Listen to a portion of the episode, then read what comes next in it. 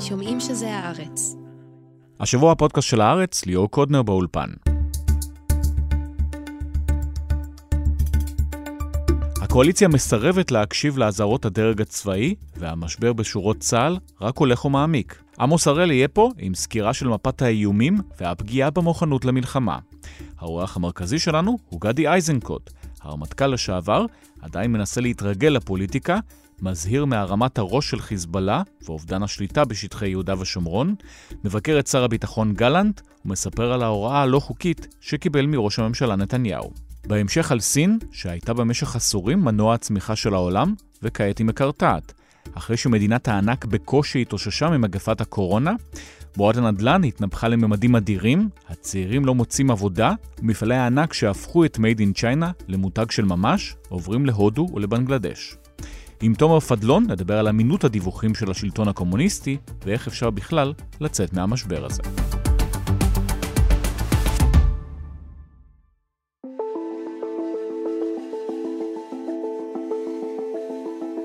במידה ויחוקקו החוקים, אנחנו ועוד עשרות אלפים שאיתנו יפסיקו את התנדבותם למילואים. אני, רב סרן א', טייס, לא אסכים לטוס כשכיר חרב במשטר דיקטטורי. אני חתמתי כי הבנתי לאחרונה שזה האיום מספר אחד על המדינה, זאת הסכנה הכי גדולה למדינה. המערכת הפוליטית מחכה לזירה המשפטית עם ההכרעה בבג"ץ לגבי המשך ההפיכה המשטרית, אבל השבוע נעסוק בעיקר בזירה הצבאית. שלום עמוס הראל. שלום ליאור. אז לכאורה חופש, אוגוסט לא קורה הרבה, אבל uh, זה סימן מבשר רעות, לא? Uh, בכדורסל קוראים לזה garbage time. אנחנו ככה בדקות שאין בהן הכרעה, אבל זה לא אומר הרבה, כי ספטמבר ייראה שונה לגמרי. מ-12 בספטמבר כבר מתחילה שורת עתירות לבג"ץ, ובעצם המערכת הצבאית כולה באיזו המתנה מתוחה להתפתחויות שם, אף אחד גם לא מבטיח לנו שיהיה שקט ביטחוני בתקופה הזאת. ראינו צעדי מחאה של אנשי מילואים לקראת סוף יולי על רקע החוק שמבטל את עילת הסבירות. הצבא מנסה עדיין להכיל את האירוע. אבל המתחים שם, בעיקר המתח בין הצבא לבין הדרג המדיני, לפני כמה שבועות, אותם אותן האמירות שיצאו החוצה ממפגש של מפקד חיל האוויר עם אנשיו. ראש הממשלה ביום שישי בערב מארגן שיחת נזיפה טלפונית למח"ל, למפקד חיל האוויר ולרמטכ"ל הרצי הלוי, עם טענות, והטענות הן בעצם לא על כך שהם, שזו המציאות, כי המציאות ברורה גם לנתניהו, אלא על כך שהם מעזים לשקף את המציאות לציבור דרך התקשורת. אומר להם, תשתקו. פחות או יותר, זה עניין של נראות יותר מאשר מהות, את מצב הכשירות ומצב הלכידות ביחידות, שבוודאי תכף ניגע בהם. אה, ברור לנתניהו כמו שהוא ברור לרמטכ"ל ומפקד חיל האוויר, אבל נתניהו רוצה שקט, הוא לא כל כך מאמין בחובת הדיווח אה, שלו עצמו או של הצבא לציבור. סוף סוף היה דיון בוועדת החוץ והביטחון, משם לא יצאו הרבה כותרות, אבל דברים שאנחנו כבר מכירים, שהצבא אומר שהמצב לא טוב והוא גם יידרדר. אז חלק מהדברים בוודאי תכף תיגע בהם עם האורח שלנו, אבל גם בקבינט וגם בוועדת חוץ וביטחון, באיחור מתקיימים דיונים. צריך להזכיר שהרמטכ"ל הרצי הלוי כבר מפציר בנתניהו תקופה ארוכה לקיים את הדיונים הללו, ושאפילו באותו יום שבו מתנהל אה, הדיון בכנסת לקראת ההצבעה, מחכים אה, מבוישים, שני אלופים, כדי שיאפשרו להם לתדרך כמה שרי קבינט ולהסביר להם כמה המצב גרוע. אז אם נדבר על שתי זירות, אז אנחנו מדברים על הזירה הפלסטינית וגם הזירה הפנים-ישראלית לגבי המשטרה והחברה הערבית. הן גם מתחילות להשפיע, והממשלה לכאורה לא עושה מזה כלום. אני לא יודע אם לא עושה כלום, אבל ברור מאוד אה, שזו ממשלה שמתאפיינת באוזלת יד כמעט בכל התחומים. אנחנו רואים את זה עכשיו עוד פעם עם הדרוזים, אה, סביב סיפור הטורבינות בגולן, אנחנו רואים את זה סביב ההשתוללות של מעשי הרצח בציבור הערבי, וגם אה, בשטחים, ולכך יש השלכות אה, אה, ברורות על צה"ל. באופן כללי, אה, מעבר לאי העשייה המאוד מאוד מובהקת, אתה רואה גם חוסר רצון. כשאתה שם אדם כמו איתמר בן גביר, להיות מופקד על צמצום הפשיעה בציבור הערבי, המשמעות היא שאתה זקוק לבן גביר לצרכים אחרים, ושאתה לא בונה עליו שהוא יבוא עם פתרונות לבעיה הזאת, שבאמת הפכה הרבה יותר בוערת. עם הממשלה הקודמת ראינו אה, ניסיון להתמודד עם המספרים המאוד מאוד גבוהים של הרציחות במגזר הערבי. עכשיו אנחנו כבר פי שלושה מעשי רצח בהשוואה לתקופה המקבילה אשתקד. טוב, ובן גביר כשהוא מגיע למצלמות, אז הוא מדבר בעיקר על דברים ש... על סף האפרטהייד או אפילו אחריו. כן, הוא הצליח לעשות את מה שכונה פיגוע הסברתי, אבל הסיפור הוא לא אה, שבן גביר מביך אותנו בעולם, מה שצריך להביך אותנו בעולם הוא שבן גביר הוא השר לביטחון לאומי. טוב, ושנתניהו לא מתנער מהדברים. לא, כי נתניהו רגיל כבר את uh, מלאכת הגינויים וחצאי הגינויים אנחנו מכירים היטב. ברור לגמרי מה סדר העדיפויות של נתניהו, ההישרדות עומדת לפני כל דבר אחר, ובן גביר הוא פרטנר חשוב בעניין הזה. נתניהו עושה כל מה שהוא יכול כדי לרצות אותו, uh, כולל אגב בשבוע שעבר פיגוע בחברון, אישה נרצחה שם מדרום לחברון, נתניהו מגיע לזירה, דבר שלא קרה הרבה שנים, בזירת פיגוע. ההסבר ברור, זאת הבטן הרכה של הממשלה. ציבור מתנחלים שרובו הצביע למפלגות שהן חלק מהקואליציה. הקואליציה, הסכנה היא בצירי התנועה, וצריך אה, לרצות איכשהו וגם להבהיר לבן גביר ולסמוטריץ' שנתניהו איתם, כדי שהעסק הזה לא יתפרק לו מתחת טוב, פתאום נזכרים באיראן, אגב. אה, כן, תראה, איראן אה, אכן בוחשת פה מאחורי הקלעים, מאוד מאוד מעורבת, אבל אה, זה לא הסיפור האמיתי. המאבק הפלסטיני הוא עניין של דורות, יש מי ששופך דלק מבחוץ, נתניהו עונה כמעט על אוטומט, אתה רואה, אני לא אגיד שהוא לא יקדיש לזה, שהוא לא יקדיש לזה מחשבה, אבל ברור לגמרי שהוא שולף תשובות מהמותן כדי לעמוד בדף המסרים, וזה פחות מתכתב עם הנסיבות האמיתיות של המציאות.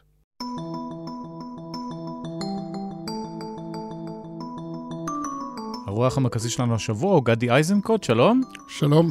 רמטכ"ל לשעבר, היום חבר כנסת המחנה הממלכתי, אז נתניהו, כשהוא היה כבר uh, מחוץ למערכת הפוליטית, האמת, הוא קרא לעצמו האזרח המודאג uh, נתניהו, עכשיו אתה מחוץ למערכת הצבאית, אז גם אזרח מודאג? אני לא אזרח מודאג היום, אני חבר כנסת, חבר בוועדת uh, חוץ וביטחון, ובקיא במציאות המאוד מורכבת. אמרתי לפני מספר חודשים, אני חושב שהמצב היום הוא ברור שזו המציאות הביטחונית הנפיצה ביותר, המורכבת ביותר, מתום אה, מלחמת אה, יום כיפור.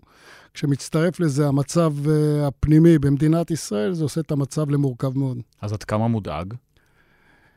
מוטרד מאוד, גם בגלל העובדה שיש התלכדות של האיומים סביבנו, אבל בעיקר מהמציאות הפנימית, השסע העמוק, החוסר האמון שנוצר. אני יכול לומר שלפני שבועיים, כיושב ראש של אה, ועדת משנה של חוץ וביטחון. אני למעשה זימנתי את הישיבה ואני ניהלתי אותה. זה ועדת אה, בניין כוח ומוכנות אה, של ועדת חוץ וביטחון. הוצגה שם התמונה המדויקת בפורום מצומצם. עלתה שם תמונה מטרידה, שבסופה שלחתי מכתב לראש הממשלה. שבו הצבעתי על המציאות כמו שאני רואה אותה, וביקשתי שינקוט בצעדים הנדרשים. מטבע הדברים זה מסמך אה, סודי ביותר, ואני לא אכנס לפרטים. ענה לך? לא, אני יודע שהמכתב התקבל. בוא נתמקד בהרס, אז מה בדיוק נהרס ואיך אפשר עוד... אה, ולפני שאני שואל אותך איך אפשר לעצור את זה, אז בוא נתמקד מי הרס, כי יש האשמות מכל הצדדים, הממשלה התחילה, אם המילואימניקים החריפו, מי אשם לדעתך? צה"ל נתון למרות הממשלה. הממשלה היא המפקדת של אה, צה"ל. ולכן האחריות היא על הממשלה, ובראש ובראשונה לראש הממשלה, שצריכים ליצור את התנאים המיטביים אה, למערכת הביטחון ולצה"ל כדי אה, לעמוד במשימות. הבעיה בעיניי שהונעה רפורמה, תחת הכותרת רפורמה, שהיא לא רפורמה, ואמר את זה שר המשפטים יריב לוין, שאם התוכנית הייתה מתקבלת כפי שהוא אה, הציג אותה ב-4 לינואר, ישראל לא הייתה ממשיכה להיות דמוקרטית. ולכן האחריות על התפנית האסטרטגית השלילית שחלה במדינת ישראל בשנת 2023 היא על ראש הממשלה נתניהו. בדרך כלל, המושג תפנית אסטרטגית זה מושג שבהערכת מצב לאומית ושנתית מופנה או לכוח עליון או לאויבים שלנו. בפעם הראשונה מקום המדינה, מי שמחולל תפנית אסטרטגית שלילית במדינת ישראל זה ממשלת ישראל, וזה דבר חמור מאוד שפגע במדינה לא רק במישור הביטחוני, גם החברתי, הכלכלי, הבינלאומי, וכמעט בכל מישור, כולל המציאות הפנימית של אובדן אה, שליטה על ביטחון הפנים. מה היית מצפה מנתניהו ללחוץ על הברקס, להגיד אה, אפילו חוזרים אחורה? הייתי מצפה מנתניהו לחזור ל-13 אינטרסים לאומיים שהוא אישר. בכניסתו לתפקיד אה, ראש הממשלה. הוא אישר את 13 אה, האינטרסים של מדינת ישראל. הוא עמד בכנסת ודיבר על מטרות העל, והוא פועל ב-170 מעלות בערך למה שהוגדר שם. זה פשוט להתעשת, לחזור לאותן, מטר, לאותן מטרות, לחזור ל-13 האינטרסים הלאומיים של מדינת ישראל. שתזכיר לנו מה זה. ולנסות לקדם אותם. הראשון, זה מניעת uh, יכולת גרעינית uh, מאיראן. כשמביטים על השנה הזאת, רואים שאיראן התקדמה ביכולת הגרעין שלה, הגיעה לרווחה אסטרטגית במזרח התיכון ובקשר עם uh, רוסיה, ואפילו קידום הדילים האמריקאים. הם העצימו את המעורבות שלהם בטרור הפנימי במדינת uh, ישראל, הם העצימו את uh, הזירה הצפונית. הקידום של אה, שלום עם אה, סעודיה, הוא דיבר על זה, כולל סוף הסכסוך עם העולם הערבי, אני לא רואה איך הוא מקדם את זה, והקטנת שסעים בחברה הישראלית קרה הפוך. חיזוק האמון במוסדות השלטון קרה הפוך, שיפור המציאות הפנימית, ביטחון הפנים והורדת הפשיעה קרה הפוך, שיפור הכלכלה הישראלית והורדת יוקר המחיה קרה הפוך, אה, שיפור היחסים עם ארצות הברית והשימור קרה הפוך, ואנחנו רואים שאל מול המטרות שהוגדרו, אנחנו חווים מציאות אחרת uh, לגמרי, שפגעה בחברה הישראלית פגיעה קשה מאוד, לא כתוצאה מאויבים ולא ככוח עליון, אלא מתוך מדיניות שגויה מאוד של ממשלת ישראל. So you are committing, if the Supreme Court strikes down this legislation, you will abide by that ruling. Remember what I said. I hope that they don't strike down because I think we should abide by both rules. אני מזכירה לקצונה הבכירה בצה"ל, שגם אצלם חדר ה deep state השמאלני. אני אומרת את זה בצער רב. הזכות שלי, של אשתי, של הילדים שלי, להסתובב בכבישי יהודה ושומרון, יותר חשוב מזכות התנועה של הערבים. סליחה, מוחמד, אבל זו המציאות, זו האמת. מתישהו בין אה, אה, ניצחון הימין בבחירות להשבעת הממשלה, אתה נתת רעיון שהכותרת שלו הייתה שאם ינסו אה, להעביר חוקים, אה, יהיו מיליון איש ברחובות ואתה תהיה לצידם. ואז זה נשמע תחזית אה, ככה קצת מרחיקת לכת, היום אני לא יודע אם הגיעו למיליון, אבל חצי מיליון בוודאי היו. קשה היה לחזות את התגובה שלך לצעדים של אנשי המילואים, אני מניח ש... כשהתחילו לדבר על אי התייצבות, בטח זזת באי נוחות בכיסא. היום אתה נשמע כאילו אתה מקבל את זה קצת יותר. מה המחשבה מאחורי זה? שזמנים קשים מחייבים צעדים קשים? הרעיון היה בשבוע הראשון של דצמבר 22, עוד לפני המהפכה המשטרית, ומה שנאמר שם, שאם תהיה פגיעה באינטרסים הלאומיים של ישראל, אם תהיה פגיעה בדמוקרטיה הישראלית, או בצה"ל כצבא העם, להערכתי יצאו מיליון איש uh, לרחובות. הרוח נזרעה בהסכמים הקואליציוניים, ואת הסערה הזאת אנחנו קוצרים עכשיו. מי שחתם על הסכם קואליציוני שמפרק את uh, היכולת של צה"ל לפעול ביהודה ושומרון, ומפצל את המשרד הזה בין שני שרים, ולא מבין שהוא זורע אנדרלמוסיה, שאנחנו חווים אותה בחודשים האחרונים, רואה את מה שאנחנו חווים. מי שחתם על הסכם קואליציוני שמתיר uh, חוק יסוד לימוד תורה, שלמעשה עוקף את חוק הגיוס ופוגע פגיעה אנושה בצה"ל uh, כצבא העם, לא הבין את, uh, על מה הוא חתם. עכשיו אנחנו רואים את החזרה הזאת. לא הבינו הייתה... שזה היה מכוון? כדי להקים ממשלה, נתניהו היה מוכן לשעבד אינטרסים לאומיים של מדינת ישראל, ואת המחיר הכבד משלמים אזרחי ישראל היום. ומה אפשר לעשות? אפרופו זה, כמו שעמוס אומר, המילואימניקים מתייצבים בצורה מאוד גלויה, אומרים, כל עוד זה לא משתנה, אנחנו לא ממשיכים. אתה שותף לדעה הזאת? תראו, אני ככלל, אני מתקשה להשתחרר מהמחויבות והגנטיקה של 41 שנות שירות, ולכן אני מתנגד אה, אה, לסרבנות. גם צריך לומר את האמת, עד עכשיו היו סרבנים בודדים. זאת אומרת, הסרבנות קורית בתוך הצבא והיא לא התרחשה. זאת אומרת, הימין צודק, באמת זה קולות שוליים. זה לא קולות אה, שוליים. צה"ל הוא צבא עם, והאזרחים שמסתובבים אה, בהפגנות, שזו תופעה שאני מסיר בפניה את הכובע למחויבות למדינת ישראל, כמו שאני רוצה לראות אותה, יהודית, דמוקרטית, ליברלית, ברוח מגילת אה, העצמאות, ונלחמים על פני המדינה, ולכן אני יכול רק לשבח אותם. האחריות היא על ראש הממשלה. עכשיו, כשאני מסתכל אחורה על ההיסטוריה הקצרה שלנו, אפשר uh, לראות שגם uh, בהתנתקות היו למעלה מעשרת אלפים אנשי מילואים, קבע וסדיר, שחתמו על uh, עצומות שקוראים לסרב למשימת ההתנתקות. אז הייתה תבונה לא להפוך את זה לנושא, לאג'נדה פוליטית, אלא לתת לשדרת הפיקוד לטפל בזה, וזה טופל בתשומת לב ולא עורר את הגלים שאנחנו רואים היום. יחד עם זה, צריך uh, להבין שהתנדבות ואי-התנדבות מעוגנים בפקודות הצבא. ראש הממשלה היה צריך לדעת, לדעת את זה, להיות מספיק אה, נבון כדי להוביל אה, מדיניות שלא תיצור טלטלה באחד משני האדנים המרכזיים שעליה מדינת ישראל יושבת, זה היהודית והדמוקרטית. ולכן מי שחושב שזה איזה גחמה שתעבור, טועה טעות מרה. האנשים שאני פוגש במוצאי שבת כבר הרבה מאוד שבתות, הם אנשים שנלחמים על פני המדינה. ובעיקר כשאנחנו רואים מעבר לפינה רצון לגעת בחוק גיוס ובצה"ל צבא העם, שיעורר להערכתי תגובה הרבה יותר חמורה ממה שראינו בחודשים האחרונים. כלומר, אם באוקטובר הם ינסו להעביר גם חוק גיוס, שהמשמעות שלו היא בעצם פטור למצביעי המפלגות החרדיות, פטור מלא משירות, ובמקביל חוק לימוד תורה, שאומר שאברך שעמל בלימוד תורה בישיבה מקבל מה שמקבל היום אה, חייל צה"ל, אתה צופה שזה יתרחב גם למקומות אחרים במערך המילואים, אפילו להתייצבות אה, לגיוס נובמבר למשל? זאת תהיה טרגדיה לחברה הישראלית ולמדינת ישראל. אם יינתן פטור גורף לעדה החרדית או למגזר מסוים בחברה הישראלית.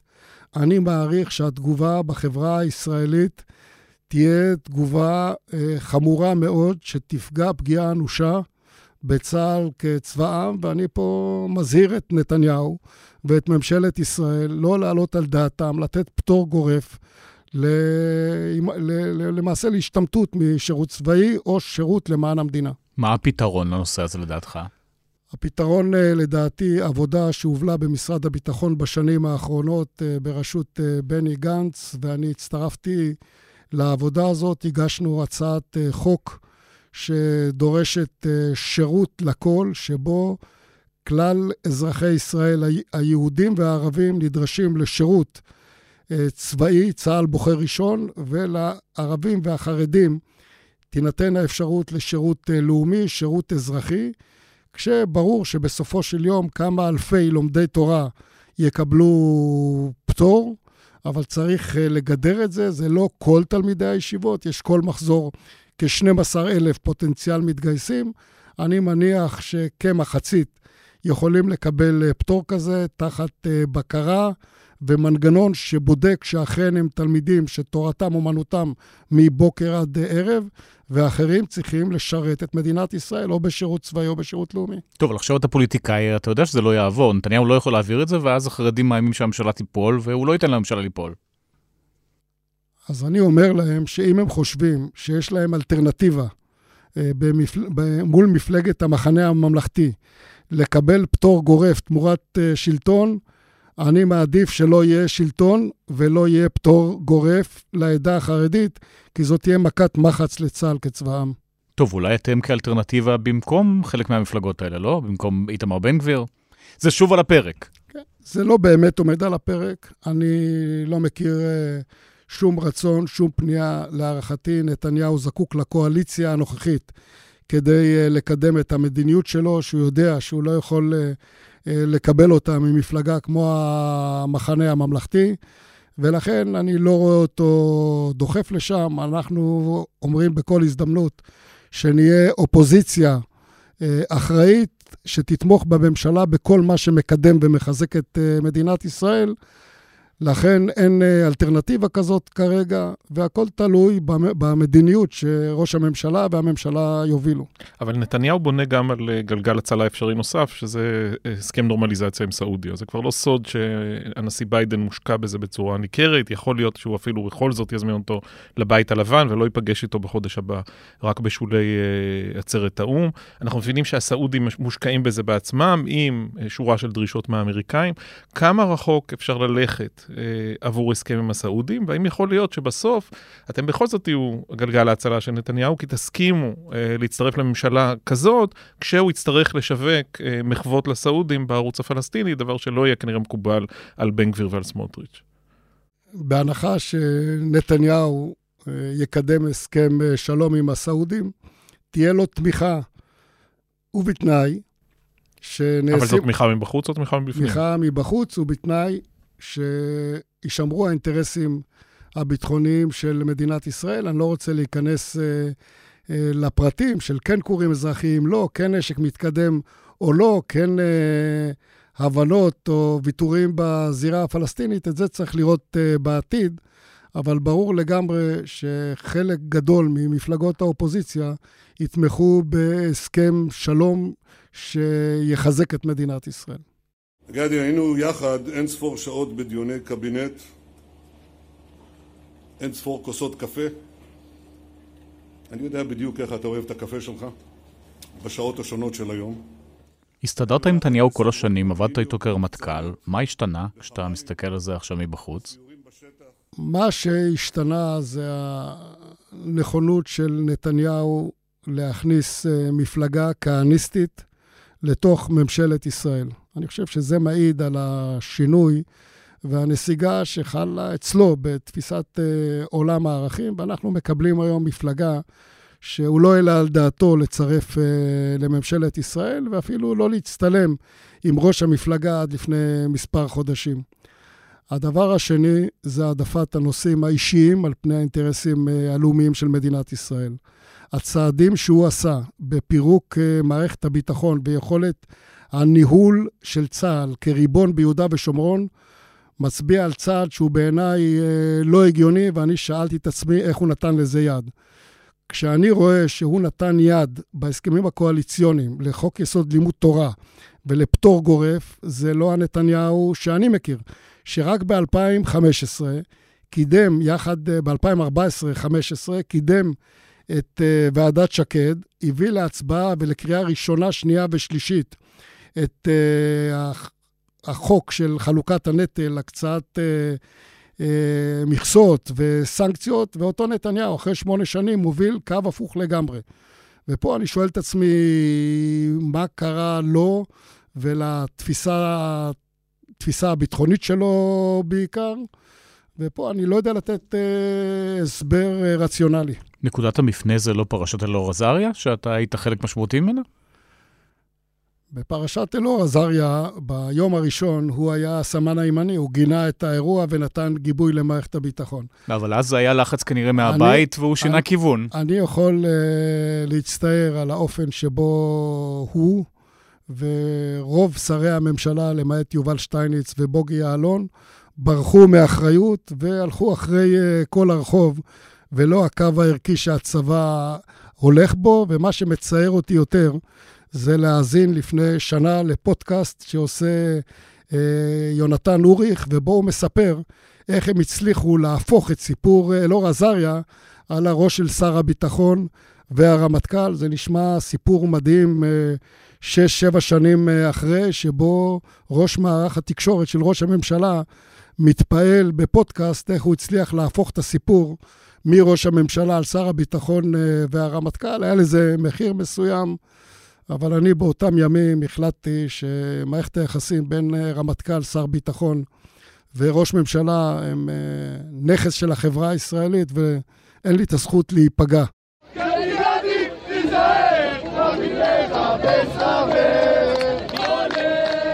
אתה בעצם היית הרמטכ"ל הראשון שחווה איזו התנגשות, אולי לא ישירה ומלאה, עם מה שמכנים היום מכונת הרעל הביביסטית. חטפת לא מעט, אה, רשתות חברתיות, אותם דברים שאוריך מדבר עליהם, כולל אה, הפגנה מזעזעת מול הקריה ביום של אה, פסק הדין או של גזר הדין של עזריה. הרצי הלוי היום חווה הרבה הרבה יותר מזה. ראינו את זה בעיקר סביב אותו עימות על הצגת הכשירות לקבינט ולתקשורת. ופה יש מכונה שעובדת בשיא הכוח, כולל שרים שתוקפים אותו בפומבי, כולל הבן של ראש הממשלה שמצייץ כל מיני אמירות. הנה, אתה, אתה רואה שגם בעיני החבורה הזאת יש רמטכ"ל שהם מאוד אה, מוכנים אה, לתקוף ולקלל יותר ממה שהם אה, קיללו אותך. מה אתה מדמיין שעובר עכשיו על הלוי, והאם אתה רואה מצב שהם ינסו בכלל להזיז אותו כדי למנות מישהו כלבבם? אני מכיר את uh, הרמטכ"ל הרצי הלוי הרבה מאוד אצלך. שנים, הוא היה ראש אמ"ן uh, מעולה ואלוף פיקוד דרום מעולה. אה, איש אה, חריף, עם סולם ערכים אה, חד וברור ועמוד שדרה, ואני בטוח שהוא יעשה את הדבר הנכון לצה"ל ולמדינת ישראל. אני יכול להצטער רק עבור אותם אלה שקוראים לעצמם מנהיגי ציבור, שמרשים לעצמם להשתלח באלוף פיקוד מרכז וברמטכ"ל ובראש שב"כ, שזה אנשים מעולים שמקדישים את הימים והלילות שלהם כדי uh, לספק לכולנו ביטחון במדינה המורכבת הזאת. טוב, אורית סטרוק קרא להם כוח וגנר. אני יכול uh, רק uh, לגנות ולהביע שאט נפש מההתנהלות הזאת של, uh, של שרים ושרות uh, שמנצלים את העובדה ש... אנשי מקצוע, שומרי סף, שנושאים תפקידים ממלכתיים, לא יכולים אה, להגיב, וגם פה אני נותן את העצה שנתתי לעצמי לפני שש או שבע שנים, לזכור שמערכת היחסים זה לא גדי, הרצי, אביב או בני, אלא הרמטכ"ל, את אה, מוסד הרמטכ"ל, ולהבין שזה נכס של החברה הישראלית, ולהיות אה, מקצועי, לפעול תחת שני כללי יסוד של כפיפות לדרג מדיני ופעילות על פי חוק, ובעיקר להסתכל למטה לראות uh, לנגד העיניים את הייעוד של הצבא ולהמשיך לחזק אותו ולקדם אותו גם אם המציאות מורכבת. הזכרת את שני היסודות האלה, יכול להיות שעוד מעט תהיה סתירה ביניהם, אם באמת בג"ץ יקבע משהו אחד והממשלה תגיד משהו אחר, למי אז הרצי הלוי צריך להישמע? אני לא סיפרתי את זה יותר מדי, אבל אני יכול לספר שמהניסיון שלי כרמטכ"ל היו שני מקרים, ואני אספר בקצרה אחד. אה, בית המשפט העליון החליט uh, להרוס לאלתר את uh, בתי דריינוף. קיבלתי טלפון ממזכירו הצבאי של ראש הממשלה, שהודיע לי שראש הממשלה מורה לי לעצור. זה התשובה, בבית אל, צריך להגיד. בבית אל. התשובה שנתתי לו, שיש פה התנגשות בין שני עקרונות העל שאני פועל על פיהם, כפיפות לדרג מדיני ופעילות על פי חוק, ולכן אני מבקש את ההוראה הזאת בכתב, שראש הממשלה מורה לי אה, לעצור את ההריסה בניגוד אה. לפסיקת uh, בג"ץ. אם זה לא יגיע תוך שעה, אני יורה לאלוף פיקוד מרכז להרוס. עד היום לא הגיעה פנייה כזאת כתובה, ולכן אני לא הגעתי לדילמה הזאת, ואני מקווה מאוד שראש הממשלה והממשלה ינהגו בתבונה ולא יעמידו את ראשי הצבא, שב"כ, בפני הדילמה. האם uh, למלא פקודה חוקית או לא חוקית, ואני מקווה מאוד שיינתנו אה, פקודות והנחיות אה, על פי חוק. טוב, דווקא נשמע לפי הסיפור שלך שכבר אז נתניהו ניסה, פשוט אתה בלמת. אה, נתניהו ניסה, היה עוד אה, ניסיון שלא ניכנס אליו מפאת אה, קוצר... בוא ניכנס, יש זמן, יש, אנחנו בפודקאסט, יש זמן. קוצר הזמן, אפשר למצוא את זה בגוגל, עם ניסיון להפסיק פינוי של, של פלישת טריה, שזה הנחיה למפקדי אה, חטיבות. ו... לא, אז הנה פעמיים, אותו סיפור בדיוק, כמו היום, אולי פשוט היום זה כבר מהמקפצה. אז זה היה אירוע מתוחם, היום זה אירוע ברמה הלאומית, ואני משוכנע שלממשלת ישראל תהיה התבונה לא להעמיד את אה, ראשי מערכת הביטחון בפני אה, הדילמה, וכבר היום יש מקום לדאגה. שאנחנו רואים אותה היום ביהודה ושומרון, שבו למעשה האחריות והסמכות פוצלה בין אה, שר הביטחון לשר השני במשרד הביטחון, כשאחד נותן אה, פקודות לצבא ולשב"כ, והשני נותן הנחיות למינהל האזרחי, והשלישי נותן הנחיות למשטרה.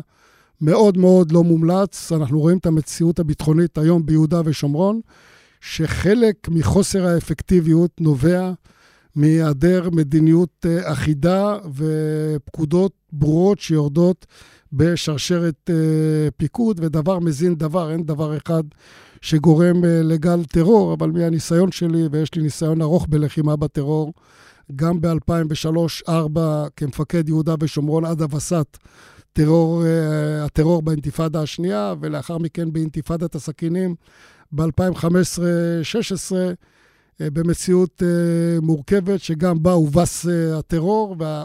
הבעיה שאנחנו רואים בשנה האחרונה, או בתשעה חודשים האחרונים, זה חוסר מדיניות קוהרנטית וחוסר יכולת לפעול בצורה אפקטיבית עם כלל המערכות שמטפלות במציאות ביהודה ושומרון.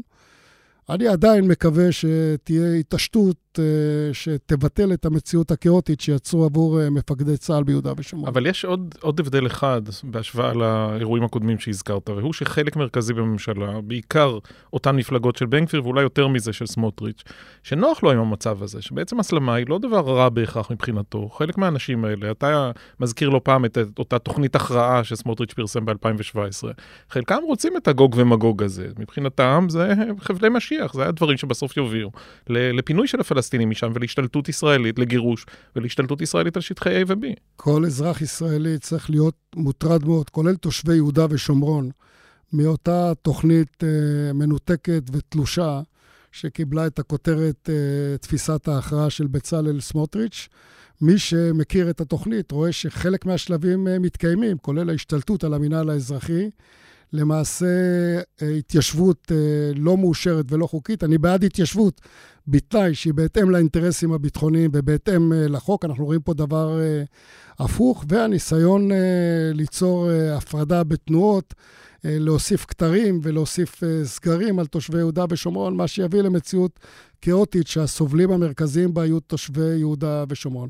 עד כמה התוכנית היא תוכנית מופרכת, אני מציע לכל מי שמתעניין לקרוא אותה, יש שם אפילו סעיף שאומר שבסופו של יום אה, נל... אה, ניתן אזרחות לתושבים הפלסטינים, אה, נדרוש מהם נאמנות ונגייס אותם לצה"ל. אז מישהו גם פתר, מצא פתרון לבעיית הגיוס לצה"ל. זה נראה הזוי לגמרי, עם מחירים כבדים מאוד שמומלץ לא לשלם את כולם, רואים רק את ההתחלה ולאן זה מוביל אותנו.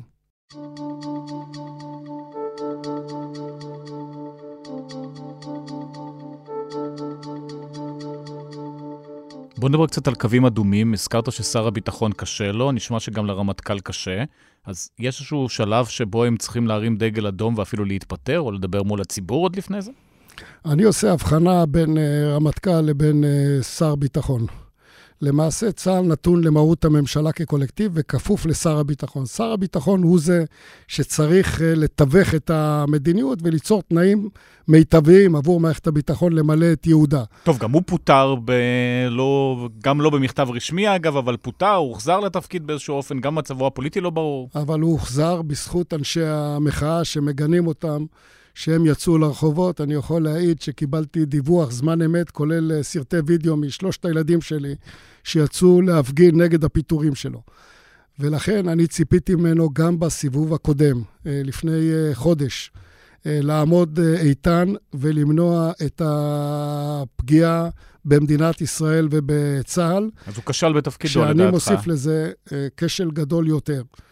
בשנה, בחודש אה, יוני, סוף חודש יוני, ממשלת ישראל קיבלה החלטה שמורה לשר הביטחון לא, להורות לצה"ל לא לגייס תלמידי ישיבות. זה מנוגד לחוק יסוד הצבא, שבו צה"ל מחויב לגייס על פי חוק ובכוחו, ולמעשה הנחיה כזאת מכשילה את הצבא ופוגעת בצה"ל כצבא העם.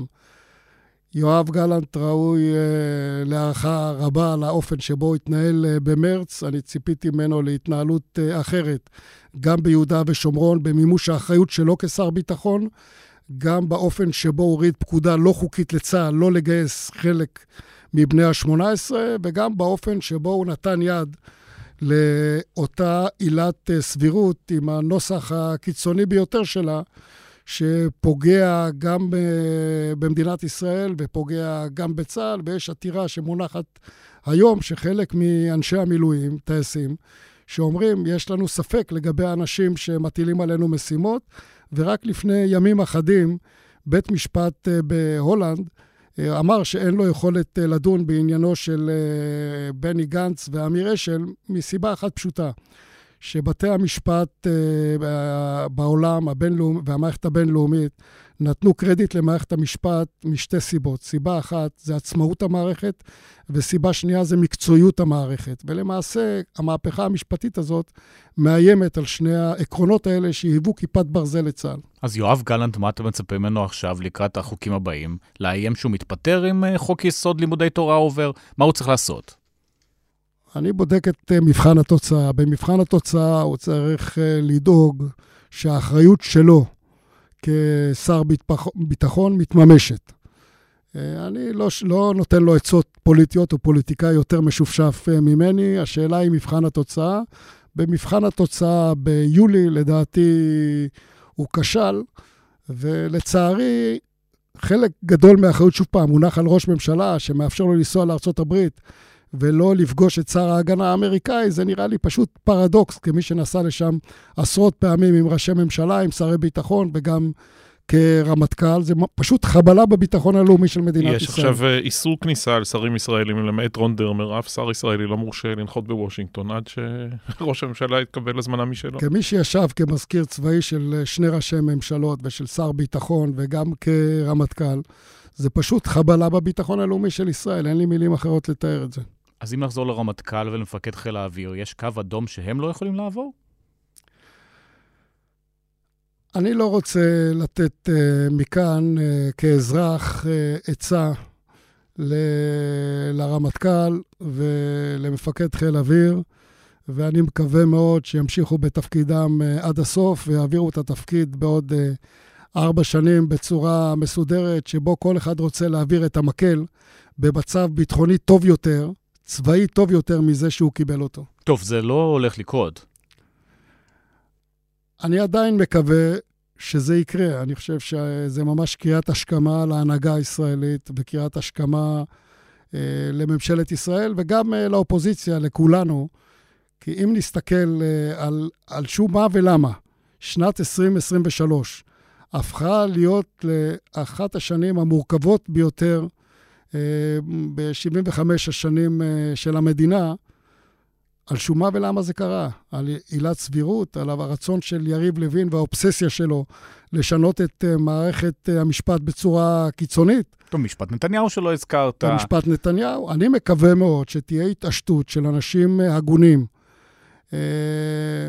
הייתי אומר פטריוטים, בממשלת ישראל, בעיקר אנשי ליכוד ולא רק, שידעו לעמוד אה, איתן מעבר לשיקול המפת... המשפטי, המפלגתי, אלא השיקול הלאומי, ויחליטו נכון. מה זה אומר יאפשר... שיולי אדלשטיין יצביע נגד בהצבעות הבאות? מה אתם כאופוזיציה עושים בעניין הזה? אני מקווה מאוד שחלק אה, נכבד, אני לא רוצה להגיד חמישה, עשרה או חמישה עשר אה, שרים בליכוד ובמפלגות האחרות, ידאגו לאינטרס הלאומי על פני האינטרס האישי והאינטרס המפלגתי, ויובילו להחלטות uh, נכונות. זה נראה, נראה לי בלתי סביר להמשיך להוביל את המהפכה המשטרית הזאת, לחבל בביטחון הלאומי, להגדיל את השסע בחברה הישראלית, כשמעטפת האיומים היא כל כך מאיימת. טוב, כבר אין הכלכלי... סביר, אבל. ביטלו. אנחנו צריכים להחזיר את הסביר. أهم كذبة قالها نتنياهو انه هم قاموا بقصف بنى بنيه تحتيه في جنوب لبنان. אני רוצה לשאול אותך לרגע בהקשר הביטחוני שעליו דיברת בהתחלה. יש לך הרבה מיילג' עם אה, חסן נסראללה, אמ, והוא מחזיק מעצמו פרשן על לענייני הציבור הישראלי, לענייני צה"ל. באים אליו לפעמים גם האיראנים לשמוע מה דעתו על ההתפתחויות כאן. איך הוא רואה את הדברים האלה עכשיו? הרי אין ספק שהוא מרוצה, הוא גם אומר את זה מדי פעם, אבל זה מספיק משמח אותו כדי שהוא ילך עד הסוף ויסתכן באיזושהי הידרדרות, במדרון חלקלק שיכול להוביל אותנו למלחמה, או שהוא עדיין זוכר את חוויות 2006, את אותה דוקטרינת דחיה שהגדרת בדיעבד, אה, והוא עדיין זהיר מספיק כדי לתת לנו להסתבך בעצמנו ולא לסבך את עצמו בתוך האירוע הזה. אני יכול לתת לכם עוד סקופ, ש... דוקטרינת הדחיה נהגתה כחודש לפני מלחמת לבנון השנייה כחלק מהבנה שבסל הכלים אין לנו מספיק אה, כלים אפקטיביים, והתוכנית אה, נבנתה כחודש אה, לפני, היא הייתה בראשיתה, והואצה ביממה הראשונה, ולמעשה באה לידי ביטוי במהלך אה, כל ימי מלחמת אה, לבנון השנייה, שנסראללה יצא ואמר שאם היה אחוז אחד ממאה שזה מה שיהיה, הוא לא היה עושה ומוביל את החטיפה. תזכיר לנו מה זה הדוקטרינה הזאת, למי שלא בקיא כמו עמוס? הדוקטרינה הזאת זיהתה בתוך uh, ביירות שכונה שנקראת דחיה, שבה חיזבאללה ריכז uh, ב-40 פלוס uh, בניינים את עיקר היעדים שלו. בהמשך המלחמה הוא עבר למבנים אחרים, ולמעשה השמדת המטרות האלה בתוך המבנים רבי uh, קומות, היוותה מכה קשה מאוד לתודעה של נסראללה וחיזבאללה בכלל כארגון, ולקח הרבה מאוד שנים עד שהוא התעשת בשנה האחרונה. ופה נשאלת השאלה, מה קרה בשנה האחרונה? המציאות של הפוליטיקה הישראלית בארבע, חמש שנים האחרונות, פלוס מספר אירועים טקטיים שהתרחשו בקו הגבול, נתנו לו את ההבנה שישראל מורתעת, וישראל רוצה להכיל את ה... מציאות, היא פועלת בסוריה, ולעומת זאת בלבנון היא מסוגלת uh, להכיל. יחד עם זה שיש פה מדיניות איראנית שמזהה את המצוקה האסטרטגית של מדינת ישראל ודוחפת את נסראללה יותר. עדיין אני חושב שהוא מורתע מפני הסלמה כוללת, אבל הוא חושב שיש לו עוד מרווח פעולה לאורך uh, קו הגבול, וזה מסביר את המצלמות ואת החיכוך. סיפור האוהלים ואת uh, ארדוב, האוהלים בארדוב. Uh, זה מטריד מאוד, כי זה האופן שבו הוא קורא אותנו, ולכן זה מתחבר לוקטור איראני נוסף, שמחזק את uh, המאמץ בזירת הפנים, בתוך ישראל, הזירה הפלסטינית ביהודה ושומרון וברצועת עזה, וזו סיבה נוספת כדי לתת לנתניהו וממשלתו סולם, להבין שיש עכשיו התמודדות עם uh, איומים שלא חווינו בעשרות השנים האחרונות, ולהפנות את האנרגיה גם של החברה הישראלית, ובעיקר של מערכת הביטחון, כדי לטפל uh, בבעיות הביטחוניות האלה. אז הסיכוי למלחמה כוללת או מלחמה רק בצפון גבר והוא גבוה? אני יכול לצטט את אגף המודיעין שהוציא שתי התראות uh, חסרות תקדים לעשורים האחרונים. אחד, היא חסרת תקדים באמת, שאגף המודיעין מוציא התראה שההרתעה הישראלית במרחב נפגעה. אני לא זוכר מתי יצאה התראה מהסוג, הזה. ההתראה השנייה שעלתה הסבירות להסלמה עד כדי uh, מלחמה, ולכן משתי הסיבות האלה והדגלים uh, שאגף המודיעין uh, מרים, אני חושב שזה ימים אחרונים להתעשתות של ההנהגה הישראלית, למיקוד המאמץ ולעשות את הדבר הנכון כדי שנוכל להתמודד עם אתגרים גדולים מתוך הסכמה לאומית עד כמה שאפשר.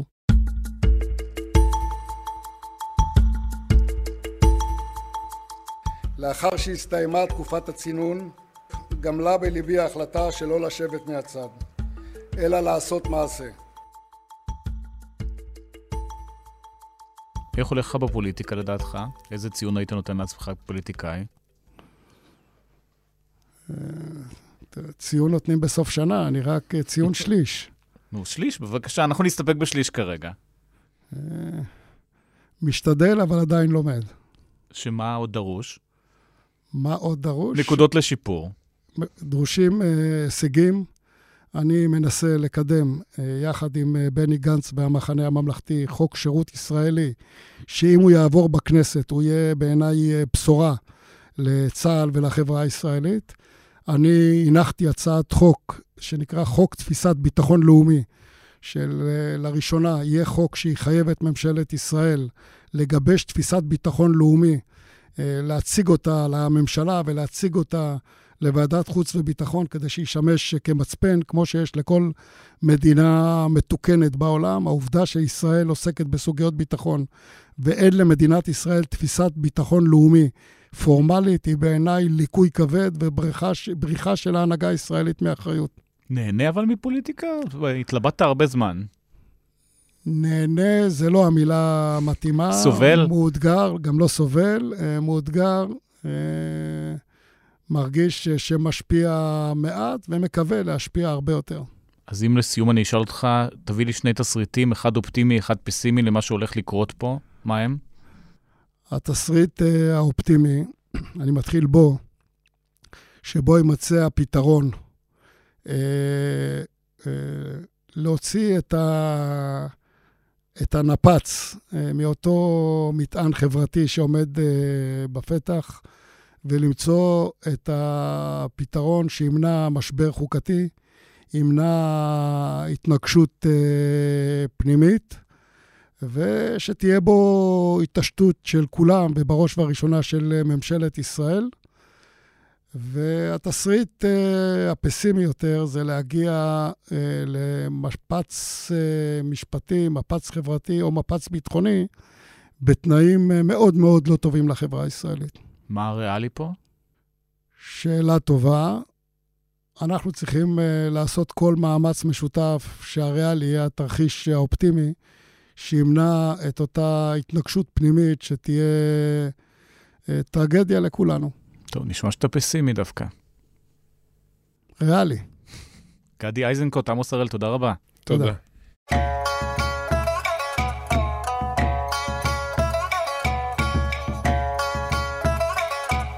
סין הייתה במשך הרבה שנים מנוע הצמיחה של העולם, עכשיו המנוע הזה מקרטע. איתנו דוקטור תומר פדלון, חוקר במרכז גלייזר לחקר מדיניות ישראל וסין ב-INSS ואוניברסיטת תל אביב, שלום. שלום ליאור. אז מה בדיוק מקרטע? כן, אז אנחנו רואים את הנתונים מהחודשים האחרונים שהם uh, מפתיעים לרעה. בוא נגיד ככה, בשנים האחרונות הציפיות שלנו מסין תמיד היו בשמיים, תמיד היו לצמיחה מאוד מאוד גבוהה, לנתוני ייצוא שרק משפרים את עצמם משנה לשנה, רק ככה לסבר את האוזן. משנת הקורונה 2020 עד 2022 הייצוא הסיני גדל במעל ל-40 אחוזים. שזה המנוע הצמיחה המרכזי של סין בשנים האחרונות. ולפתע בחודשים האחרונים אנחנו רואים אה, שילוב של כמה מדדים יחדיו שהם מפתיעים לרעה. בין אם אנחנו מדברים על uh, ירידה בייצוא, ירידה ביבוא, בין אם אנחנו מדברים על התוצר שלו צומח כפי שסין צפתה וכפי שגם אנליסטים כלכליים בכל רחבי העולם חשבו בתחילת השנה. Uh, בואו נגדיר את זה ככה, אקונומיסט בינואר 23 על השער שלו, ככה פתח ואמר, אה, שסין והפתיחתה של סין מסגרי הקורונה בעצם זה סיפור הכלכלי הגדול ביותר של השנה. בשלושה חודשים הראשונים של השנה נראה היה שסין היא באמת הסיפור הכלכלי של השנה, והיא באמת מצליחה לייצר uh, צמיחה חיובית גבוהה, כפי שצפו. ולפתע, בארבעה חודשים האחרונים אנחנו רואים שהצמיחה הזו היא לא כפי שחשבנו, וסין הופכת להיות הסיפור הכלכלי של השנה, אבל מסיבות אחרות. China's yuan is at a 16 year low, and the country appears to be experiencing deflation. Economists say these are signs China could be facing an extended economic downturn. נזכיר מה היה בקורונה בסין, פשוט עצרו את כל המדינה, אנשים היו בסגר במשך חודשים, והציפייה הייתה שברגע שהקורונה נגמרת, כשסין הייתה על כפתור פוז, עכשיו לוחצים על הפליי, ופתאום יש איזו צמיחה מואצת והכל חוזר לקדמותו לפחות.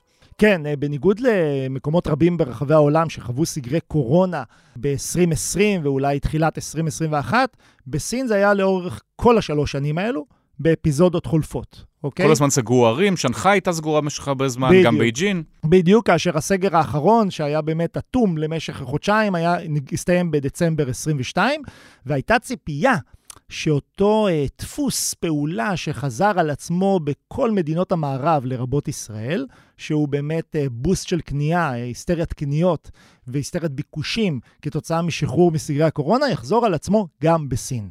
הדבר הזה לא קרה. הוא קרה קצת בשלושת החודשים הראשונים של 2023, אבל הוא נעצר עד הרמה הדרמטית שהגענו אליה במדד המחירים לצרכן ביולי 2023, שאף הראה על ירידת מחירים. כך שבכל העולם אנחנו uh, סובלים או אומרים שהאינפלציה חזרה לקדמת הבמה אחרי שנים של היעדרות, כתוצאה מהשחרור מסגרי הקורונה, כתוצאה מביקושים עצורים שהיו והשתחררו החוצה. ובסין אנחנו רואים את התופעה ההפוכה. וזה גם כן קשור קשר הדוק באיך שהממשל בסין התמודד עם הקורונה, שזה בצורה שונה מאשר נעשה במקומות אחרים. טוב, גם לא היה חיסון וגם השלטון האוטוריטרי שהזכרת אותו קודם פשוט אה, הגביל את כולם וגם את הכלכלה, ואנשים הבינו איפה הם חיים אולי. כן, תראה, בסיכומו של דבר אני תמיד אוהב להגיד גם אה, לסטודנטים, שכלכלה זה מדעי החברה, זה לא מתמטיקה, וזה תלוי מאוד מאוד בהתנהגות של אנשים, והתנהגות תלויה ב-X, Y ו-Z. ופה ספציפית, הפעילות של הממשל הסיני אה, בשנות הקורונה הייתה שונה מאוד מאלו שראינו במערב, בארצות הברית, בישראל או בגרמניה. אני אתן כמה דוגמאות. דבר, דבר ראשון שהוא משמעותי מאוד, הסגרים בסין היו לרוב פתאומיים. חלק גדול מהמגזר העסקי לא עודכן קודם לכן, כפי שהותקנו במקומות אחרים. והדבר הזה כמובן גרם לבעיות גם בעסקים המקומיים. אפילו הדוגמה המעניינת בהקשר הזה זה האייפון שמיוצר בסין, כמו שאנחנו כולנו יודעים. נכון. חברת אפל מייצרת את האייפונים בסין כבר הרבה זמן, מנוע צמיחה משמעותי גם לכלכלה הסינית וגם לכלכלה האמריקאית, ועכשיו אמרו, אנחנו מעבירים חלק מהמפעלים בכלל להודו, כי אי אפשר לסמוך על הסינים. כן, הדבר הזה כמובן קשור גם למאבק הבין-מעצמתי, כל מיני הקשרים גיאופוליטיים, אבל כמובן ש... ברגע שעסקים, שיש ערעור באמון של העסקים בממשל, כמובן שרבים גם מעדיפים לגוון קצת ולא להיות תלויים רק בסין. והדבר הזה השפיע מאוד על העסקים, ודבר שני, השפיע מאוד על הצרכנים.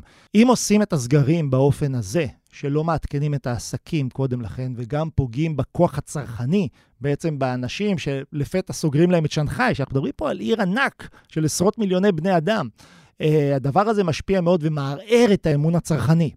עכשיו, פרט כמובן למשמעויות האדירות האלו, אנחנו גם רואים שהסטימולוס, כלומר, התמריצים הכלכליים שהיו בסין לאורך שלוש השנים האלו, לא היו קרובים אפילו לתמריצים הכלכליים שהיו במדינות אחרות. זאת ההליקופטרים שדיברו עליהם בישראל וגם במערב לא קרו שם. היו מעט מאוד הליקופטרים בסין, המדיניות המוניטרית והמדיניות הפיסקלית המאוד מאוד מקלות בארצות הברית, בגרמניה, בישראל, בעיקר בשנות 2020-2021, שבסין כביכול לא הייתה קורונה, ואולי לא רואים אותי כי אני בפודקאסט, אבל עשיתי מרכאות עם היד, כן. שלא הייתה קורונה, אז לא היה את התמריצים האלו, לא הייתה סיבה לתת את התמריצים האלו, וכבר כשהתחילו לתת את התמריצים האלו, הם לא היו באותה רמה מונומנטלית שאפיינה את מדינות המערב, שהשאירה הרבה מאוד כספים בכיסים של האנשים, שפשוט יצאו ובזבזו. Anger erupting among Chinese home buyers as property developers hold construction on their homes. 这种希望破灭的那种感觉。 בוא נוסיף למשוואה הזאת עוד שני uh, משתנים. אחד זה משבר הנדל"ן, הדי עמוק בסין, גם עם uh, חשש שפשוט uh, חברות נדל"ן יתחילו לקרוס ואנשים לא יצליחו לממן את הדירות שלהם, וגם משבר במערכת הבנקאות. כן, אנחנו מדברים פה על כמה משברים שמתרחשים במקביל בסין. Uh, משבר הנדל"ן כמובן, שהתחיל, uh, קשה לתארך אותו מתי הוא בדיוק התחיל, כי יש פה משבר שהוא מתמשך. זה פשוט בועה. כן, פשוט בועת הנדל"ן, שיש לנו מחוזות שלמים שבנו בכמויות עצומות היצע אדיר, ומשהו כמו 20 אחוז מהדירות שם נותרו יתומות. צריך תמיד לחשוב שסין, אמנם זו מדינה עצומה של מעל 1.4 מיליארד איש, אז צריך לחלק אותה למחוזות, ויש מחוזות שהם עשירים ונהנים למשל מהגירה חיובית, כמו שנגחאי וכמו בייג'ין, ויש כמובן אזורים ומחוזות אחרים שיש שם הרי רפאים. הרי רפאים ש-20% מהדירות, פחות או יותר, נשארו uh, ריקות. והחשש הוא שהחברות האלה ייפלו ויפילו איתם את כל המשק? כן, החשש הוא כמובן שחלק גדול מהחברות האלו ייפלו, והדבר הזה גם כן משפיע מאוד על החוב. הסיני, שהוא תופח לממדים עצומים שהם קרוב ל-300 אחוז מהתוצר. אנחנו מדברים פה יותר מארצות הברית, אבל כשאנחנו מדברים על החוב בסין, אנחנו מדברים על החוב הכללי. כלומר, אנחנו לא מדברים רק על החוב של הממשלה, אנחנו מדברים, גם על החוב של התאגידים הממשלתיים, על הממשלות המקומיות, על ה-household, על, ה, על הצרכנים הפרטיים, וכל הדבר הזה אפילו גבוה יותר מארצות הברית. הוא קרוב ל-300 אחוז, בארצות הברית סדר גודל של 250 אחוז. עכשיו, לדבר הזה היה תפקיד משמעותי בצמיחה הסינית. כי הם עודדו פה השקעות ועודדו פה בנייה, והמשקל של הנדלן כנתח מכל התוצר הוא סדר גודל של שליש. כלומר, חלק גדול מהפעילות העסקית בסין הוא קשור לנדל"ן, והדבר הזה גם כן נמצא בנסיגה. אי אפשר כמובן לנתק את זה מתופעות אחרות שקורות בסין, כמו כמובן אבטלת הצעירים. אנחנו מדברים פה על 21 אחוזים אבטלת צעירים, אבטלת צעירים שמוגדרת מגיל 16 עד גיל 24. שהם פשוט לא מוצאים עבודה, אין עבודה במקום שהם חיים, הם צריכים לעבור למקום אחר מהכפר או מהעיר הקטנה לעיר הגדולה, וגם שם לא בטוח שתהיה עבודה. כן, חלק מהמקרים אנחנו מדברים פה על אנשים שצריכים לעבור ממקום אחד למקום אחר, והדברים האלו כן קורים, ובחלק אחר מהמקרים באמת נפתח פער בין המיומנויות שיש לצעירים בסין, לבין המיומנויות הנדרשות במקום העבודה. עכשיו, לזה צריך להוסיף דבר נוסף. חלק גדול מהצעירים היום הם uh, מהדור של ה-one uh, child policy, אוקיי? של מדיניות הילד האחד. והמשפחה השקיעה כל כך הרבה בילד האחד הזה, והשקיעה בלימודים שלו, והשקיעו... גם ההורים, גם הסבא והסבתא. ההורים, הסבא והסבתא, וכולם השקיעו כל כך, כל כך הרבה ב, uh, בהשכלה של הילד, שהם לא רוצים שהוא יעבוד במפעל, כפי שהם עבדו בשנות ה-90. הם מעדיפים לחכות. לחכות למה? מחכים לעבודה טובה יותר. שזה מה? מה נחשבת עבודה טובה? עבודה טובה יותר למשל בסקטור הסרוויסים, סקטורים טכנולוגיים כמובן, עבודות כאלו טובות יותר ולא במפעל או במסעדה. אוקיי? ולכן גם בסין מנסים כרגע לעודד, בחודשים האחרונים מנסים כרגע לעודד את הצעירים, כן למצוא מקומות עבודה, בתפיסה של קודם תעבדו, אחר כך תחשבו על קריירה.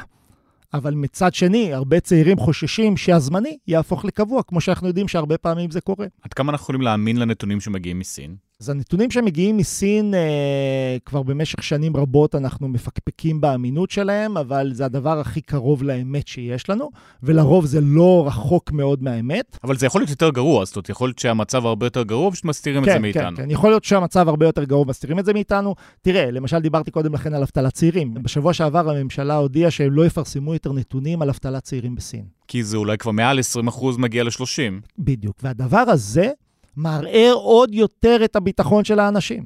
דבר נוסף, כשלפני שבועיים התפרסמו נתוני הדיפלציה בסין, אז נאמר להרבה מאוד כלכלנים והרבה מאוד גופים לדבר פחות על דיפלציה, פחות לדבר על המילה הזו, כי עוד פעם, אנחנו מדברים על התנהגות אנושית, והמילה הזו כמו מזינה את הדפלציה עוד יותר. ופה השלטון האוטוריטרי פשוט יכול להגיד לכלכלנים, אה, דברו על משהו אחר, תתעסקו בדברים אחרים. הרבה פעמים הכלכלנים והרבה פעמים אקדמאים יודעים את מקומם ויודעים שאסור להם להגזים כמובן בדיבור שלהם. אה, זה פחות או יותר מבינים את הרוח הכללית אה, אה, בסין, והדבר הזה כמובן מטיל ספק רב בנתונים שיוצאים מסין. אבל יש כמובן נתונים שקשה יותר לזייף, כמו נתונים של יבוא וכמו נתונים של יצוא, והנתונים האלו מראים על האטה דרמטית. למשל, הנתונים של יוני 2023 הצביעו על ירידה של 12% ביצוא הסיני. יולי 2023, כשחשבנו שיוני 23 הנתונים היו כל כך גרועים, אז יולי 23 הצביעו על ירידה של 14% ביצוא הסיני. אלו נתונים דרמטיים. והייצוא שהיה המנוע מאחורי הצמיחה הסינית, היה אמור להיות מוחלף על ידי הצריכה הפרטית, כפי שהרבה פעמים קורה במודל התפתחותי, בעיקר מודל התפתחותי אסיאתי. זאת אומרת, לאנשים יש יותר כסף, אנשים שחיים בתוך המדינה, הם מתחילים לקנות לבד ולא צריך לייצא כל. מיני מוצרים uh, לישראל או לארצות הברית או למקומות אחרים. בדיוק, מנוע צמיחה פנימי, והדבר הזה לא קורה. והממשל, שבמשך שנים מנסה רק uh, להאיץ את התהליכים האלו של עלייה בצריכה הפרטית, לא רק שהוא לא מצליח לעשות את זה, בעקבות הקורונה הוא החריף את התופעה.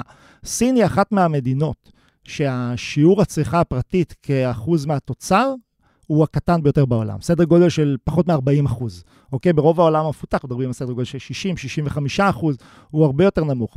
עכשיו, במשך שנים הצביעו על התופעה הזו שההשקעות הממשלתיות הן כל כך גדולות, ככה שברור שהצריכה הפרטית תהיה נמוכה ביחס לתוצר.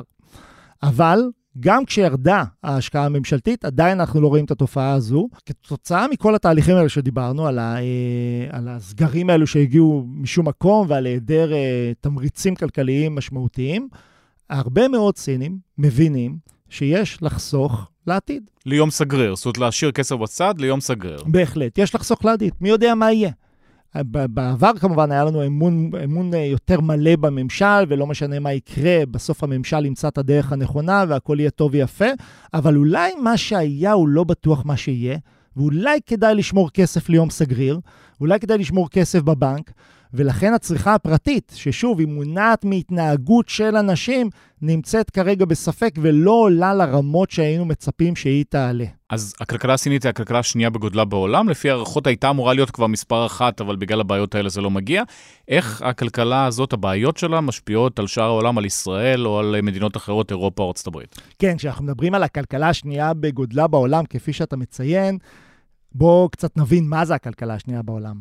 זה סדר גודל של 20% מהתוצר העולמי. זה המון. שכמה זה ארצות הברית? ארצות הברית uh, כבר מגיעה לסדר גודל של 25 אחוזים מהתוצר העולמי. זאת אומרת, ארצות הברית וסין ביחד 45, כמעט חצי מהתוצר העולמי. כן, וזו רק טעימה לאיזה אסון זה יכול להיות אם באמת תהיה היפרדות בין שתי הכלכלות האלו. זה לא עידן המלחמה הקרה בין ארצות הברית וברית המועצות שכמעט ולא הייתה ביניהן תלות כלכלית. פה זה שני ענקים שתלויים אחד בשני. שתלויים גם, כמו שאמרנו, אה, בייצוא וגם בחומרי הגלם שזורמים לסין. בדיוק, ואם אתה מדבר פה על חומרי גלם, אז uh, ההאטה הזו בכלכלה הסינית יכול יכולה להוביל להשפעות חיוביות ושליליות על העולם.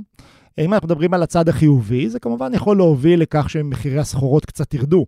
הרי סין מייבאת כל כך הרבה סחורות כדי לייצר מוצרים במפעלים. דבר שני שיכול להיות, אם המחירים של המוצרים בסין יורדים, אז המחירים הנמוכים האלו כמובן גם היא יכולה לייצא אותם החוצה. כלומר, יהיו מחירים נמוכים יותר גם החוצה. דווקא נראה ירידה באינפלציה במערב. אה, כן, זה יכול כמובן למתן קצת את הלחצים האינפלציוניים שנמצאים במערב. אבל מן העבר השני של המתרס, אנחנו מדברים פה על הכלכלה השנייה בגודלה בעולם, ואין ספק שאם באמת התופעה הזו תחריף, המגמה הזו תימשך, אנחנו נראה השלכות שליליות מאוד. אתה מכיר את המשפט המפורסם הזה שארצות הברית מתעטשת, כל העולם נהיה חולה? ברור. עכשיו, היום זה גם תופס לגבי סין. אם באמת סין תתעטש פה, אם סין תהיה חולה, העולם כולו יהיה חולה. ויהיו לזה הרבה מאוד uh, תופעות שליליות. אני אתן רק טעימה אחת. הרבה חברות מערביות בעשור האחרון מנתבות חלק גדול מהצמיחה שלהם לשוק הסיני. למשל חברות אופנה, ממש אה, חברות יוקרה בתחום האופנה, הן סונכות על הצרכן הסיני שיקנה לואי ויטון, וחברות אה, אחרות כמו H&M או זרה פשוט מייצרות את הבגדים שלהם בסין. כן, בעבר זה היה בעיקר לייצר, סיני המפעל של העולם, נייצר בסין ונקנה במערב. אבל היום זה לא רק נייצר בסין, אלא גם זה נמכור בסין. ואם אנחנו מדברים על חבר, חברות ענק כמו אפל, חברות ענק כמו נייקי, חמישית מכל המכירות שלהם זה בסין. אתן לך עוד דוגמה, טסלה, שוק המכוניות הרי הסיני נמצא בפריחה יוצאת דופן, אבל חברות כמו טסלה, חברה אמריקאית, וחברות כמו אאודי, בונות הרבה מאוד על הצמיחה וכוח הקנייה הסיני. Now, Tesla's chief executive, Elon Musk, is in China on what's described as a high stakes business trip. China is the world's biggest electric vehicle market. חברת אאודי, חברת uh, ענק גרמנית למשל, מכרה בשנת 2022 uh, מעל למיליון וחצי מכוניות בעולם. מעל ל-600 אלף מהם היו בסין. אנחנו מדברים פה על סדר גודל של 40 אחוז מהשוק של אאודי שמקורו בסין. ולכן פגיעה בכוח הצרכני הסיני היא פגיעה גם בחברות המערביות האלו, ולכן האפקט הזה יכול להיות אפקט דרמטי מאוד לכלכלה העולמית בכללותה. אם אנחנו מסתכלים אה, חמש שנים קדימה, זה משהו שגיהוק קטן שאפשר להתאושש ממנו, או שזה הולך להיות איתנו עכשיו לתקופה ארוכה? תראה, זוהי באמת uh, שאלת השאלות, שאנחנו רואים שמנסים להשיב עליה הרבה מאוד באקדמיה, וכמובן uh, כלכלנים uh, בבתי השקעות ברחבי העולם, ואין תשובה אחת. Uh, אין תשובה אחת. Uh, בגדול, יש הרבה מאוד סימנים גם חיוביים. למשל, הדיפלציה שראינו בחודש יולי 2023, אחד מההסברים שלה זה שאם נבודד אה, שני סקטורים, ונסתכל רק על נפלצת הליבה, כלומר, שני הסקטורים האלו הם אנרגיה ומזון, שהם סקטורים תנודתיים מאוד, אנחנו דווקא נגלה שהייתה אינפלציה של 0.8% ביולי 23, ושהיא הגבוהה ביותר מאז אה, יוני 22, אם אני זוכר נכון. שהצריכה דווקא עלתה והמחירים עולים. בדיוק, ששאר המחירים עולים. דבר נוסף שאנחנו כן רואים שהוא חיובי, זה כמובן אה, עלייה גדולה בצריכת השירותים בסין, ה-services. כלומר, יש פה כמה סימנים חיוביים. אבל בגדול, אם אתה שואל אותי חמש שנים קדימה, הייתי מציע להיות מאוד מאוד זהירים. לפני חמש ועשר שנים ראינו אין ספור מאמרים שרק מפארים את המודל הסיני, ושרק מדברים על היום שבו סין תעקוף את ארה"ב ותהיה הכלכלה הראשונה בגודלה בעולם. בין אם זה, בין אם זה יקרה ב-2025, 2026, התחזיות הפסימיות דיברו על 2028. היום אנחנו לוקחים 20 ו-30 שנה קדימה, ולא בטוח שסין תעקוף את ארצות הברית, והיום אנחנו רואים את המגמה שהיא כל כך שלילית, שאנחנו מדברים על סין במונחים של יפן בשנות ה-80 וה... כלכלה בעייתית שנתקעה. כלכלת ענק, כלכלה שנייה בגודלה, שנתקעה ורק הידרדרה. אז אני מציע לא לקחת את החלק האופטימי מאוד ולא את החלק הפסימי מאוד, אלא להיות מאוד מאוד זהירים. כי אחת מהתופעות המעניינות מאוד כשאנחנו בוחנים את הכלכלה הסינית היא שזה מודל שאין כדוגמתו. אנחנו מדברים פה על כלכלה של אה, קרוב למיליארד וחצי איש, ואנחנו מדברים פה על מודל שאם אנחנו מנסים להשוות אותו ליפן, או לדרום קוריאה, או לטיוואן, או למודלים התפתחותיים אחרים, אנחנו ניתקל בבעיה רצינית, מאחר והגודל של סין לא מאפשר אה, ללמוד ממקרי עבר כאלו. ולכן אנחנו צריכים להיות מאוד מאוד זהירים באופן שבו אנחנו מנתחים את הכלכלה הסינית ובאופן שבו אנחנו מנתחים את הצעדים של הממשל ואת ההשפעה שלהם על הצרכנים בסין. תומר פדלון, תודה רבה. תודה רבה, ליאור.